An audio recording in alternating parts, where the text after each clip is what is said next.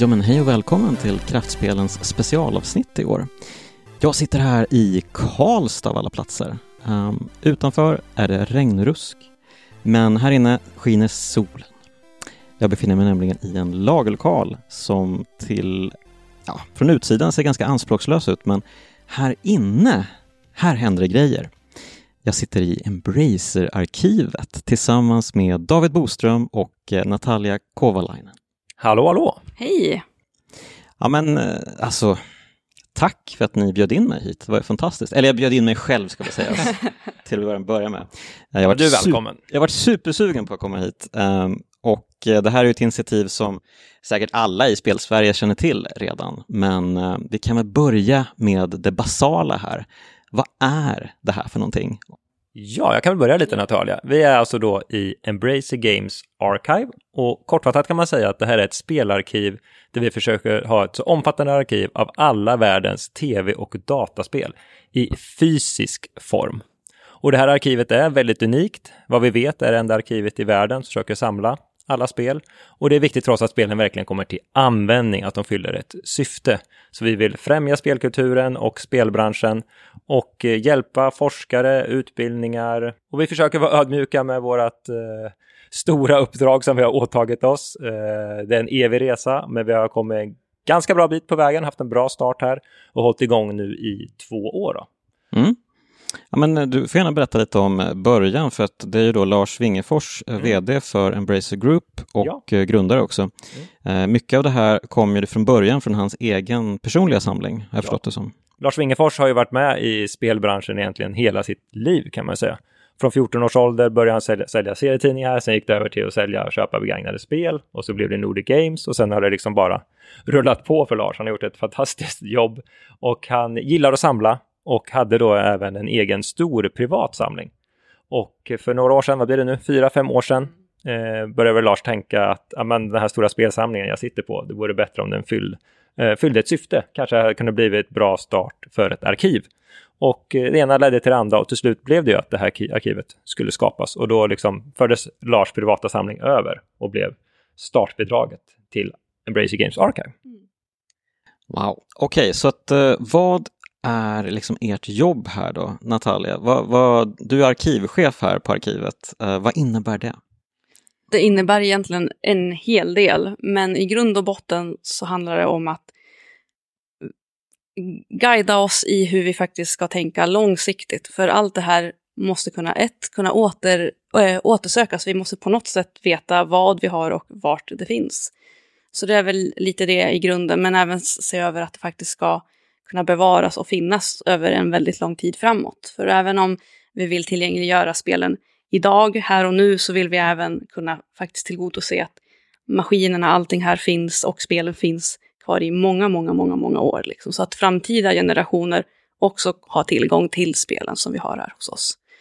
För vi tycker att Alltså, man kan bevara spel på så många olika sätt och alla är ju jätteviktiga. Man kan göra playthroughs, man kan liksom eh, vad heter det, eh, bevara spelen på ett digitalt sätt. Men det vi vill göra här är verkligen kunna på något sätt se till att det, det här fysiska finns kvar.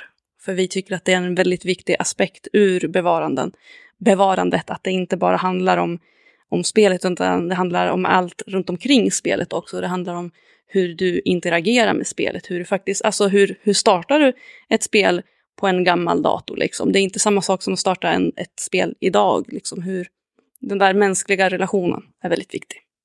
Mm. Ja men precis, det är ju en tidskapsel också, mycket mm. av det här.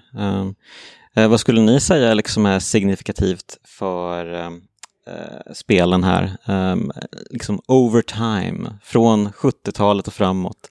Alltså vad, vad skulle ni säga spel representerar överlag? Väldigt luddig fråga kanske. Det är men... super, jag tänkte så här hur. Men alltså spel, som jag i alla fall ser det, alltså det, det representerar en, en form av, alltså det är ju en nöjesform för människor i den här eran, alltså vi som har mm. levt igenom den här perioden. Det är ändå väldigt representativ för den tiden.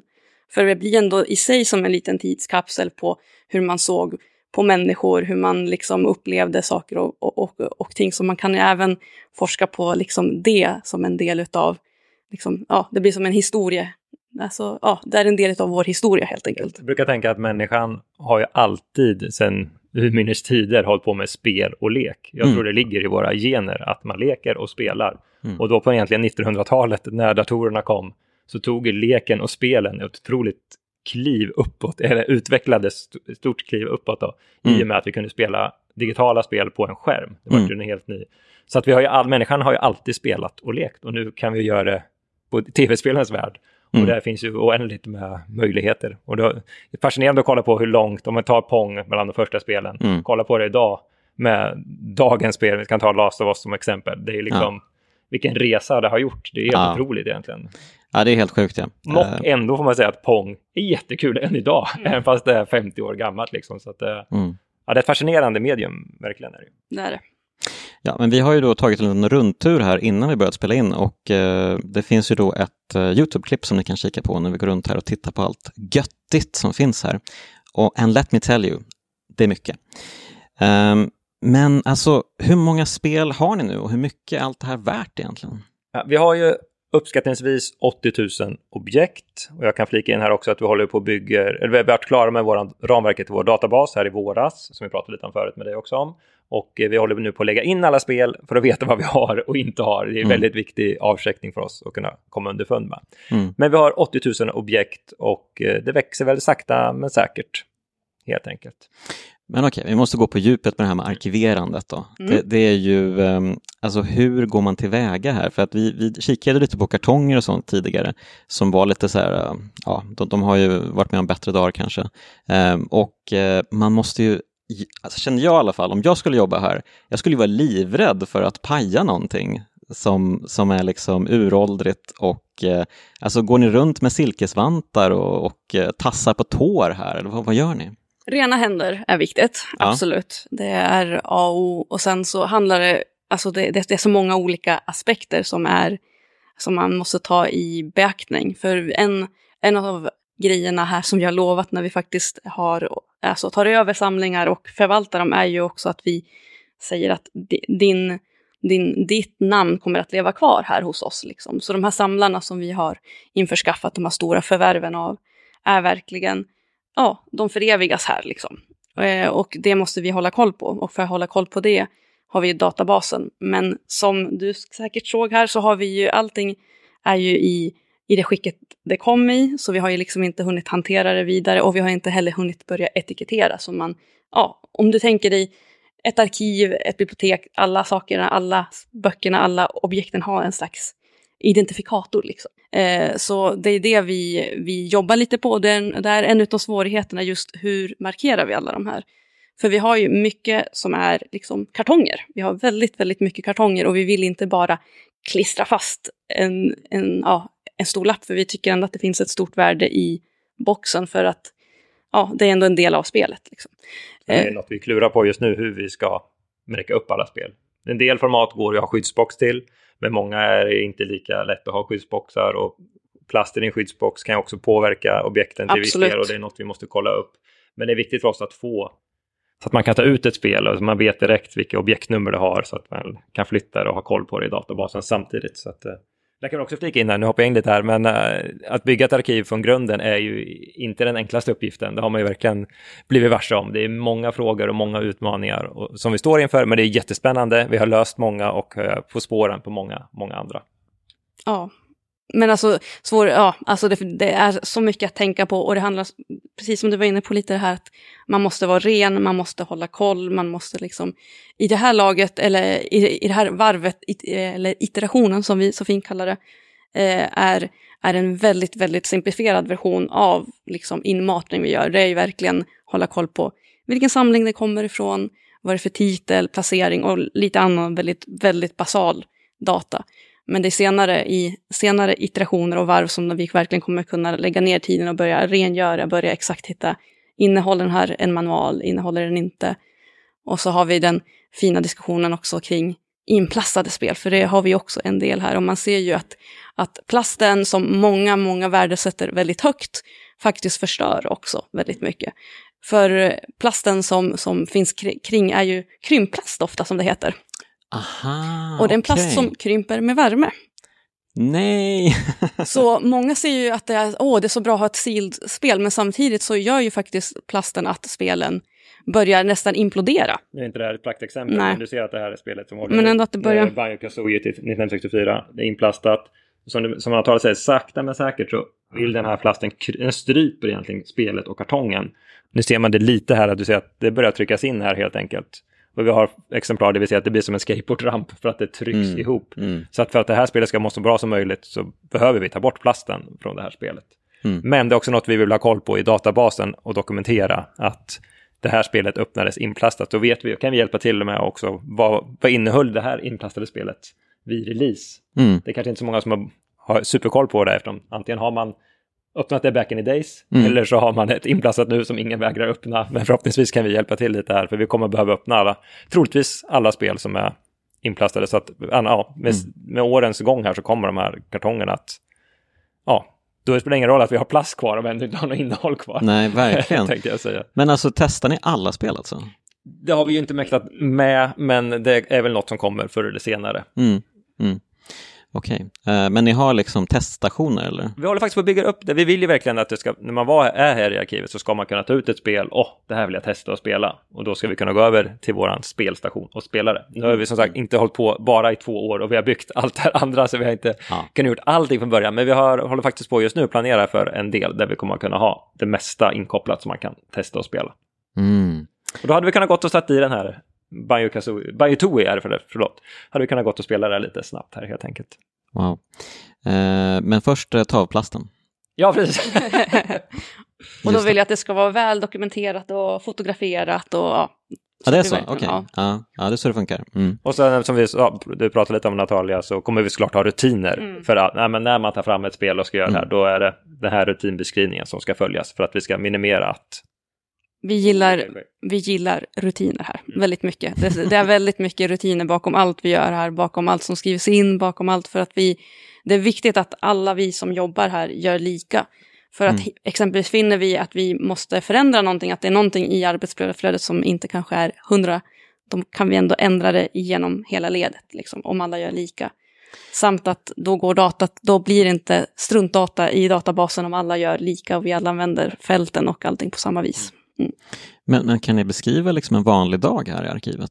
Det är väldigt, väldigt, väldigt mycket blandade uppgifter. Där allt som man att fixa utställningar, vara intervjuer i media, planera databasen, registrera spel, eh, Prata med institutioner. prata med institutioner, Mm. nätverka och, och ja, men det är väldigt, väldigt blandat. Skriva rutiner. Ja, så att eh, dagarna går extremt fort och Ja. det är mycket, mycket bollar i, i luften. Men det är super, superspännande. Mm. Och bygga allt, för vi har ju Mm. hyllorna, packa upp, flytta, ta emot spelsamlingar. Ja, det, det är en salig blandning. Där är det verkligen så. Ingen dag är egentligen den andra lik Nej. än, så länge. Alltså det är verkligen. Men det är ju en uppbyggnadsfas. Mm. Eh, Jag vet att Kungliga biblioteket sparar ju också svenska tv och datorspel eh, sedan typ mitten av 90-talet. Um, alltså, är de avundsjuka på det här arkivet? Eller De har hur? ju faktiskt De har varit kommit hit, här ja. och de var nog lite avundsjuka, inte avundsjuka, men de var jätteglada att vi fanns. Ja. Du kan väl berätta lite mer Natalia kanske? Ja, precis. Vi har haft en, en, en hel del kontakt och kommer nog att ha en hel del kontakt här framöver också eftersom ja, vi, vi kan nog se över och faktiskt hjälpa varandra en hel del och också se till att vi inte gör samma saker. Mm. Så att man bevarar lite olika delar. Mm. Eh, så då, då, det, ko- det kom nyligen en eh, ny lagstiftning eh, som gör att bevarande institutioner, alltså nationella bevarande Mm. in, eh, institutioner kan bevara eh, mjukvara på ett mycket enklare sätt. För tidigare Mm. har man behövt liksom nästan få, fått rättighet från liksom personerna som har skapat. Men nu, nu ser det ut som att är det så att det inte går att få tag på det här ja, men spelet till exempel i det här fallet eh, på ett enkelt sätt så kan de låna och kanske också då göra en, ja, en digital kopia av spelet utan att liksom behöva gå så långt bakåt och eftersöka alldeles för mycket. Och då sitter vi här på en guldgruva. Mm. Sen är det väl tyvärr att lagstiftningen har halkat väldigt mycket efter det här med pliktexemplar. Men alla Mm. spel i Sverige som tillverkas ska ju helst skickas in till KB. Mm. Men det är ju väldigt, vad, vad, är, vad har varit, om man har en, har en svensk gjort musiken till det här spelet? Räknas det som ett svenskt spel då eller just inte? Eller ska det vara helt sve- Ja, du har väl lite bättre Ja, koll på det. ja precis. Det, det är väldigt få spel kan man väl säga som tyvärr skickas in då som Mm. pliktexemplar. Ja, för, för grejen är att egentligen är ju hela lagstiftningen kring bevarandet här i Sverige helt förlegad. För den handlar inte om spel, utan den handlar om CD-skivor, alltså mediumet. Det är Aha, den det handlar om. specifikt CD-skivor? Ja, Jaha. det är den som det Okej. egentligen hanterar. Så det är därför det har blivit lite försvårat. Och så finns det tolkningar utav lagstiftningen som gör också att det minskar av också för hela, hela spektrumet av vad som måste bevaras, liksom, eller vad som bör bevaras.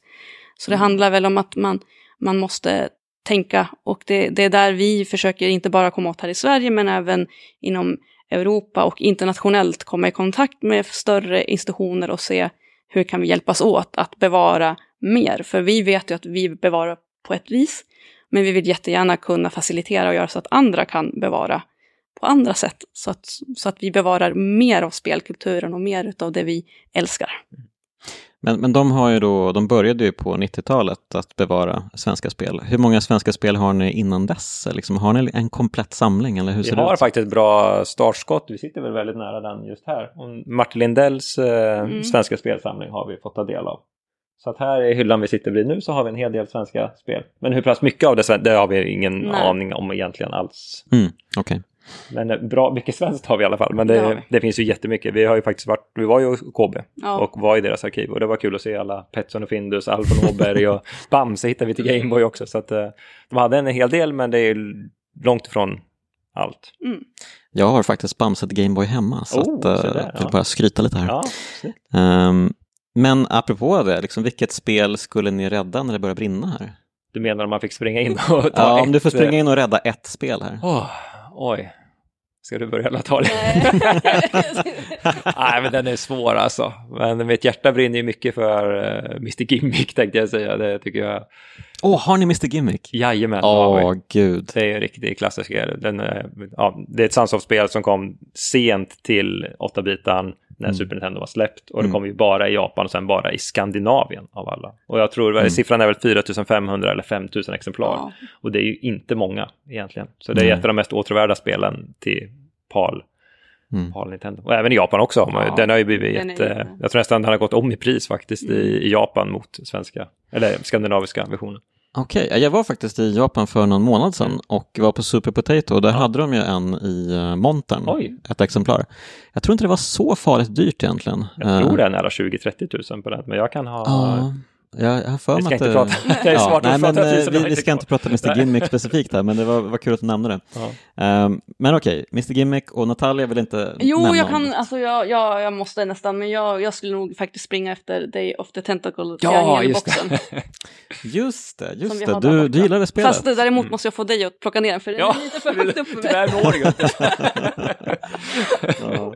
Får byta placering på det. har, ni, har ni mycket stegar som ni liksom springer med? Mm. Ja, det har Vi vi. gömde faktiskt undan dem när du kom här för att det skulle se lite städat ut. Men vi har eh, Ah, stegar som vi kan rulla runt med här så att vi når alla spel. Så det är inte bara David som Nej. kan nå dem högst upp. Okej. Ehm, ja men alltså det är ju då fysiska spel eh, specifikt ni samlar på här. Ja, det kan vi förtydliga. Fysiska spel. Mm. Släppt till konsument i butik, brukar vi säga. Mm. Mm. Just det, kom- så ja, att, eh, kommersiellt. Digitala spel skulle väl ja, egentligen vem som helst kunna eh, förvärva och samla på ganska lätt i och för sig. Ja, men det är, tänker man, man ska dra med mobilspel och Nintendo-shoppen, Xbox-shoppen och Playstation och Steam. Steam och alla de här. Mm, Det mm. kommer ju, så- jag vågar inte ens, jag vågar inte ens, kan det komma tusentals eller hundratals bara om dagen tänkte jag säga om man ska se på alla de här plattformarna. Och jag som har jobbat som arkivarie med- mer med mot det elektroniska och tänker på filer och tänker på den, den hanteringen. Jag blir ju liksom, alltså det är ett enormt arbete som bör göras där. Om man bara, nu tänker jag på liksom Steam specifikt och Steam Workshop, Ja. alltså alla, alla moddar som finns till alla dessa spel. Som är också länkade då till en viss version av spelet, alltså det, det skulle Precis, vara en sån, eh, enorm En sån hantering. databas ska ju underhållas också. Som du säger, kommer en uppdatering till ett spel, då ska du ju ladda ner det en gång till. Nu gjorde ju, det var väl i somras här, eh, var han ju, vad heter han, Gerard, en youtuber som de laddade väl ner alla spel till den Nintendo stängde e- e-shoppen där. Så laddade de ju ner alla spel som fanns på Wii U och Mm. DS var det väl, jag kommer Mm. inte exakt ihåg. Så Okej. att, eh, det var ju ett otroligt jobb bara det, och det var efter en plattform får man Ja. tänka. Men det var ett otroligt hästjobb om jag förstod det rätt. Bara, bara det. Ja, herregud, det är väl tusentals spel måste det nästan Ja, handla det om. är många i alla fall. Ja, Och sen tar det ju många gig, bara det. Och du ska ha säker, det ska förvaras så säkert så att det kan leva i hundra eller tusentals år, förhoppningsvis i all framtid. just det. Mm. Men alltså berätta om samlarvärlden, för det här tycker jag är jätteintressant. Alltså, vilka, vilka, är de, vilka är de absolut sjukaste typerna ni har träffat? Eh, sitter de och sniffar i kartongerna och Ja, slickar men kretskort? Eller Det vad vi, det gör? kan, vi kan säga lite till att börja med att vi stöter på en hel del samlare som vill sälja sina samlingar eller bli av med dem. Det kan ju till och med vara så att man har samlat hela livet. Och Mm. som vi- den här David som vi brukar nämna som Österrike-samlingen. Han hade samlat i 30 år. Det blir, Mm. I ett visst läge blir det att samlingen äger dig mer än vad du äger samlingen. Mm, Han ville liksom, ja men jag har, jag har gjort mitt. mm, Och han var ju glad när han fick veta, ja men får de gå vidare till Embrace Games Archive så kan de fortsätta leva och de fyller ett syfte dessutom. Ja. Att det, liksom, Mm. det vi har märkt är att många samlare går ju i de här klassiska tankarna, ja men en dag då ska jag bygga ett museum, jag ska bygga en utställning. mm, mm. Det är lätt att ha den tanken, men när du väl kommer dit och du inser att oj, jag ska fixa lokal, jag ska ställa upp spelen, jag ska ha dem säkert förvarade, jag ska ha en form av utställning, jag ska ha en tema. Det är, det är inte Mm. bara att starta ett museum eller en utställning. Nej, nej. Och då kanske man inser att det är ett stort pådrag att göra det och då känner man, men får de gå till det här arkivet? Då kan de i alla fall fylla det syftet jag hade tänkt för dem. Så det har vi märkt med många samlare att eh, de gillar den, den tanken. Eh, Jag har även förstått att eh, det är lite svårt att eh, liksom få kontakt med japanska samlare. Ja, där har vi, lite, där har vi haft bra, bra framgång. Japanska samlare, det, om man säger så här, om man säger hårdrar och tänker här i Europa och USA, så är det, Mm. mm. ja, vilken cool tv-spelsamling jag har. Det är, Ja. Du är coolast i världen. Det, är, det, är, det, alla det fall. tycker vi. Det är jättetufft att ha en cool tv-spelsamling. Men i Ja. Japan är det ju fortfarande lite så här ofint. Du är ju en nörd, ursäkta mig, ja, men på ett Mm. negativt sätt. Nörd idag är ju coolt, men ni förstår vad jag menar. Mm. Det är inte accept- socialt accepterat att du har samlat, du har en hel rum full med spel. Nej. Så att de här lever ju mer i skymundan, lite undangömt, så det är inte jättelätt att få tag på dem. Men där har vi en kontakt i Japan faktiskt som känner väldigt många samlare och har kontakt på kontaktnätet som har hjälpt oss helt enkelt komma i kontakt med japanska samlare som har velat bli av med sina, sina samlingar. Mm. Därav har vi ganska mycket japanska uppsättningar i arkivet idag. Så där ligger vi ganska på bra framkant ändå. Mm. Eh, En sak jag tänkt på är ju att ni har ju till exempel eh, Magnavox Odyssey, eh, den första spelkonsolen kan man väl typ säga, eh, från 1972 typ. Yes. Um, yes, och det är ju ett jättegammalt spel, ehm, eller spelkonsol och har jättegamla spel såklart. Förr eller senare så måste väl liksom, så kan vi inte längre spela på de här grejerna, eller hur, hur Nej, men kommer det, här funka? Du kom in på en jätteviktig grej här. Natalia kan nog svara lite Mm. mer snart. Men det har vi ju Jukka Kovalainen som är vår tekniker. Mm. Som är proffs och utbildad eh, inom eh, man, underhåll av elektronik. Mm. Och det är en jätteviktig aspekt vi måste ta hänsyn till. Att underhålla speciellt datorerna, konsolerna och även spelen. Så att de Mm. kan leva och funka så länge som möjligt. Precis, för mycket i de här i det här liksom hårdvaran är alltså går ju sönder och förstör sig själv med tiden. Alltså det kan vara att det är batterier som läcker eller kondensatorer som, ja, som kan förstöra hela, hela maskinen. Liksom. Så det är verkligen viktigt att hålla dem, liksom, ja, byta ut dem och se även över att, eh, när, det, när det här inte är mitt område, men jag vet att Jukka tänker alltid på att ett, att man, man måste kunna liksom, gå tillbaks i ändringarna man gör. Så liksom, förbättrar vi någonting, kanske att vi byter eh, power supply liksom, på enheten, då måste vi ändå kunna backa på det och gå tillbaks till det som fanns tidigare eller till någonting annat som kommer i framtiden som är ännu bättre. Liksom. Mm. Så man måste alltid ha i åtanke att jag är inte den sista som hanterar den här enheten. Jag Mm. måste kunna lämna liksom, efter mig. Men även att vi tänker på att vi måste kunna använda dem. Och vi måste även, ja, och sen har vi hela plastfrågan som är en enorm djungel för att vi har som mänsklighet skapat enorma mängder plast, enorma olika typer av plast. Det finns så Mm. många olika plasttyper. Och de, de interagerar med varandra på inte så roliga sätt ibland.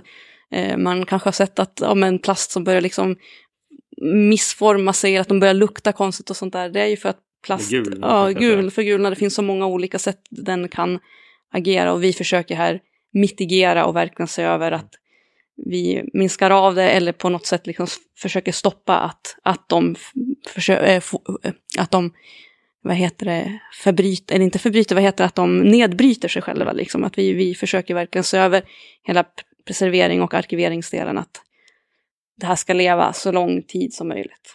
Låt oss säga att vi skulle, du skulle vilja, Jonas, du skulle vilja testa nu Magnavox Odyssey. Mhm. Det hade vi jättegärna också velat att vi skulle göra. Men Mm. Den där hårdvaran är 51 år gammal. Ja, Jag skulle vi sätta fram den här på bordet, sätta i strömsladden, vi vet inte vad som kommer hända. Det Nej. kan bli fyrverkeri bra så här. Och det, Mm. Innan vi gör sånt så vill vi ju såklart då att Jukka tar in det till verkstaden, öppnar upp, kollar, ja, är det något som behöver bytas ut eller justeras, så Mm. fixar vi det innan. Och sen under säkra förhållanden får man ju testa då att det Mm. funkar. Och där har vi ju en liten verkstad här bakom där vi kan eller Jukka, ska jag säga. jag Jag ska inte säga att vi, men Jukka är extremt duktig på det där och han har lärt oss, i alla fall mig, jätte- jättemycket. Så att, eh, det är ett måste känner jag i vårt arkiv, att vi har någon som kan se över det här. Mm. Mm. Men det är ett jättestort eh, Ja. arbete faktiskt som kommer att ligga bakom det, att se över att allting funkar, att byta, hålla koll på att batterierna byts ut i spelen Mm. med jämna mellanrum och ja, men all, allt sånt som kan, kommer att behövas som underhåll. Mm. Och bara där du nämner batterier, det är också, vi har ju batterier i våra 3DS, i våra PSP, ja just det. många handhållna, en del batterier sväller. Sväller, Och först kommer egentligen då förstöra Gameboyet. Mm. Så det håller Jocke på att planera just nu att vi måste plocka ut batterierna i alla våra handhållna konsoler där vi vet att de finns.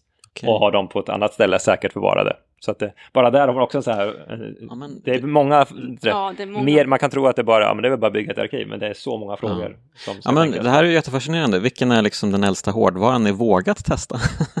Har, jag skäms ju för att säga, det är ofta en fråga vi får, har ni, hinner ni spela mycket? Så här, nej, alltså det har varit så intensiva två år det här, vi har liksom byggt upp, vi är klara, ja men nu börjar vi på det här, sen gör vi klart det här, sen börjar, så jag har inte riktigt hunnit det här att sitta ner och spela. Nej, okej. Nu har jag Mm. faktiskt bokat in i kalendern här i oktober att vi ska sitta och spela och testa. Bland Okej. annat eh, sitta då och testa en Magnavox. Ja, för, självklart får vi kolla den först, Ja, men ja. vi har liksom inte hunnit testa så mycket faktiskt, ska jag vara ärlig och säga. Okej, ja men vad spännande. Eh, Alltså, hoppa... Många av oss spelar ju hela tiden på fritiden, men man Ja. vill, man vill ändå testa mycket av det som finns här såklart. mm, det är mycket mm. som vi inte har hemma som finns här. Ja. Ja, just det. Men då det... har du inte så mycket. Nej. Men Vi kanske ska säga att du eh, är ju en samlare av rangen då, eh, David. Ja, ja. jo, men jag har ju samlat hela, hela livet. Jag har ju kvar många av mina spel sedan jag var 6-7 år, så att, Mm, mm, det har blivit en del hemma. Men, just det. Har du något hemma som inte finns här? Ja, men det har jag nog en hel del, vad skulle jag säga, en del. En hel del Ja, till och med? ja, Oj, okej. mycket. Nej, men det har, jo, men en hel del det har man väl hemma som vi inte har, har, har här. Okej, Men okej. någon gång kommer det säkert eh, komma, komma Ja. hit. Mm. Mm. Men det är fascinerande också det här med, vi går in till det, det finns ju så otroligt mycket. Ja. Man tror ju att man har, eller vi trodde i alla fall att vi hade bra koll Mm. på mycket, men man har ju lärt sig så mycket här och det, även fast vi har så mycket här har man ju fått inse, oh men shit, det här, det här har vi ju inte. Det finns ju så mycket Mm. grejer om man ser tillbaks, vilket är jättefascinerande. Ja, alltså 80 000 spel, objekt, förlåt. Eh, Det är spel, spelkonsoler och Ja. tillbehör och sånt ska Ja. väl sägas, precis. Eh, Men det, bara det låter ju helt eh, oöverskådligt mycket. Ja, men det går inte riktigt, och även fast vi egentligen ser grejerna framför oss här, men Ja. det är arkivhyllor så man ser ju inte alla hyllor samtidigt, så att eh, Precis. Mm. det är svårt. Ja, wow, um, superimponerande. Ehm, ja, men hur ser liksom eh, framtiden ut då? Hur, eh, alltså, vad, hur ser planeringen ut? Hur ser Ja, men- nästa år ut till exempel? Vi fortsätter att växa. Viktiga moment vi är just nu är att få in allting i databasen som jag sa. Och ju mer koll vi får i databasen, ju lättare blir det att se över vad ska vi fokusera på, vad ska vi köpa in, vad Mm. har vi, vad har vi inte. Arkivet kommer att växa. Vi, kommer, vi vet ju med oss att vi kommer förr eller senare växa ur lokalen. Mm. Men vi är jätteglada att vi har fått... Det är så mycket frågor att ta hand om som vi har diskuterat här. Det är omöjligt att göra allting rätt från början. Men vi Mm. kommer att börja jättelärofyllda år Mm. i den här lokalen som vi tar med oss sen när vi i framtiden kommer att behöva komma till en ny lokal. Men det är troligtvis långt kvar dit nu. Men det är planerat. Sen är det mycket nätverkande. Knyta kontakter. Som sagt, ingen har ju byggt sånt här arkiv från början som vi, som vi gör. Så vi tar hjälp av många. Nätverkar mycket i Sverige och även runt om i världen med andra museum, arkiv och liknande. Precis, för det handlar, alltså det är frågor om, precis som vi var inne på det här, men hur hanterar vi den här plasten? Hur Mm, gör vi med, mm, med mm. etikettering? Eller hur har ni gjort? Så att Mm. liksom få, få lite idéer på hur andra har gjort, hur andra har tänkt. För det är mycket hjul vi måste bygga här Mm. själva, men kan vi få lite delar liksom så är det jättebra. lära sig av andras misstag Mm. är ju, Ja. då går ju vi snabbare framåt. Mm. Så börjar jag hjälpa till lite med att ställa ut spelen. Som vi nämnde när vi filmar här så kommer vi ju ställa ut lite spel nu på Retro Gathering. Mm. En svensk spelmässa här i, i Sverige. Där vi kommer att ta med Sega SG1000, Segas första stationära konsol. För att visa till allmänheten, sprida budskapet och kulturen. Så att, eh, det är väl sånt vi också kommer att göra mer och mer framöver. Och så har vi börjat lite nu, vi har ju ett gymnasium här i Karlstad, NT-gymnasiet, som går deras e-sportklass. Kom hit förra året och nu ska de komma tillbaka i år igen, där vi ska se tillbaka lite på e-sportshistorien, hur datorer och spelen såg ut. Så att det var jätteuppskattat sist. Mm. Och så har vi ju samarbete med Karlstad universitet. Precis, det har vi och där nu kan vi kanske inte berätta exakt vad de forskar Nej, på, för det vill de nog själva berätta ja. sen. Men det kommer ändå börja, eh, börja liksom komma forskare hit och börja ske forskning på akademisk nivå, vilket egentligen mm. är grundförutsättningen för att faktiskt kunna på sikt skapa utbildningar också inom de här ämnena. Man måste ju som universitet forska för att kunna också mm. skapa utbildningarna. Mm. Okej, okay, så då kommer universitetselever komma hit helt enkelt och ja, kanske leta upp spel? Men just nu är det mer på liksom, är det forskare som, som mm. kommer hit och ska skriva liksom ja. om en mm. viss, eh, ja, om en viss eh, genre eller mm. om en viss, ja, något slags nedslag liksom. Men det är många bollar i luften, men helt enkelt utveckla och bygga upp arkivet och knyta mer, mer kontakter och göra det mer etablerat egentligen. Mm. Så att fler personer får reda på att arkivet finns. Precis, men om man tänker så här 20 år framåt, mm. då skulle jag, jag jättegärna som arkivarien, eller chefsarkivarien här, se att, att alla spelutvecklare skickade ett pliktexemplar så att säga hit. Att alla hade det som en del av sina, sin rutin att ja, nu har vi släppt det här spelet fysiskt och lägger dem på en liten hög och skicka halvårsvis eller någonting till oss, liksom sina spel. Det är verkligen drömscenariot, absolut. Mm. Och mitt drömscenario brukar vara, jag brukar tänka att likväl som de flesta vet om att Norge har en fröbank med alla världens frön, så mm. skulle jag vilja att världen vet om att i Sverige, i Karlstad, där finns det ett arkiv som har ja, så omfattande som möjligt av alla världens spel. Att det finns ett ställe där alla världens spel är samlade. Mm. Om typ 20-30 år, då har vi nog kommit en bra bit ja. på, den, på den resan. Men det är alltid bra att ha en liten så här vision eh, mm. framåt. Finns det liknande arkiv ute i världen? Ja, inte, det, inte vad vi vet, något arkiv. Det finns arkiv, exempelvis i Japan, som samlar spelen Japanska. för japans, ja, japanska spel för mm. japanska marknaden. Okay, och det finns ja. säkert något arkiv i något annat land som samlar sitt lands spel. Mm. Men vad vi vet så är vi unika med att samla alla världens spel, fysiska spel, på en och samma plats. Mm -hmm. Oj, oh, wow. Men man vet, ja, för sagt, jag, man vet aldrig om det sitter någon i, i, i, i skymundan där och gör någonting på sitt mm. eget håll. Men det, vad vi vet så är vi ensamma om det. Så därför är även utmaningarna vi har också väldigt unika. Mm. Men vi skulle bli jätteglada om vi fick reda på att det fanns ja. något mer ställe och då hade vi säkert kunnat lärt, eh, vet du, lärt mycket av varandra också erfarenhetsmässigt. Mm. Mm. Okej, okay, wow. Ja, men eh, som sagt, eh, rundturen här har ju varit helt fantastisk. Ehm, jag har fått se spel jag inte visste existerade och kanske det hade varit lika bra om de inte existerade också. Nej men det har varit fantastiskt roligt så att jag får tacka så hemskt mycket för att ni eh, gick med på att bjuda in mig. Ja, men tack så mycket för att du kom. ja, ja. Mm. Jag hoppas någon som lyssnar tycker det här är intressant och kanske har de något, något projekt eh, rent forskarmässigt eller kanske skriva en bok eller en artikel.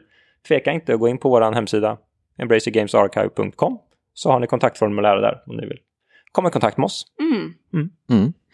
Och som sagt... Så får ni tacka Jonas då att ni, att ni kommer i kontakt med oss. ja, men det, det...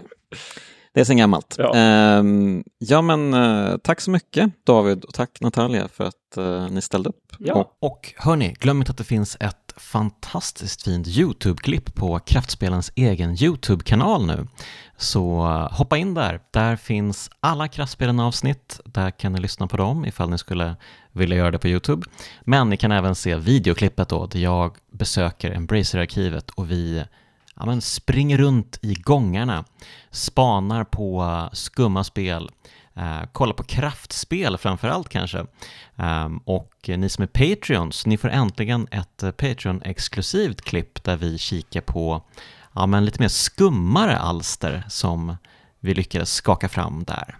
Så att eh, nu händer det massvis med kul grejer. Härligt! Och nästa vecka blir det ännu mer skoj för då fyller kraftspelen 100. 100 Um, ordinarie avsnitt blir det då, episod 100. Och eh, det kan ju bara firas på ett sätt, nämligen att det är jag som får välja spel då.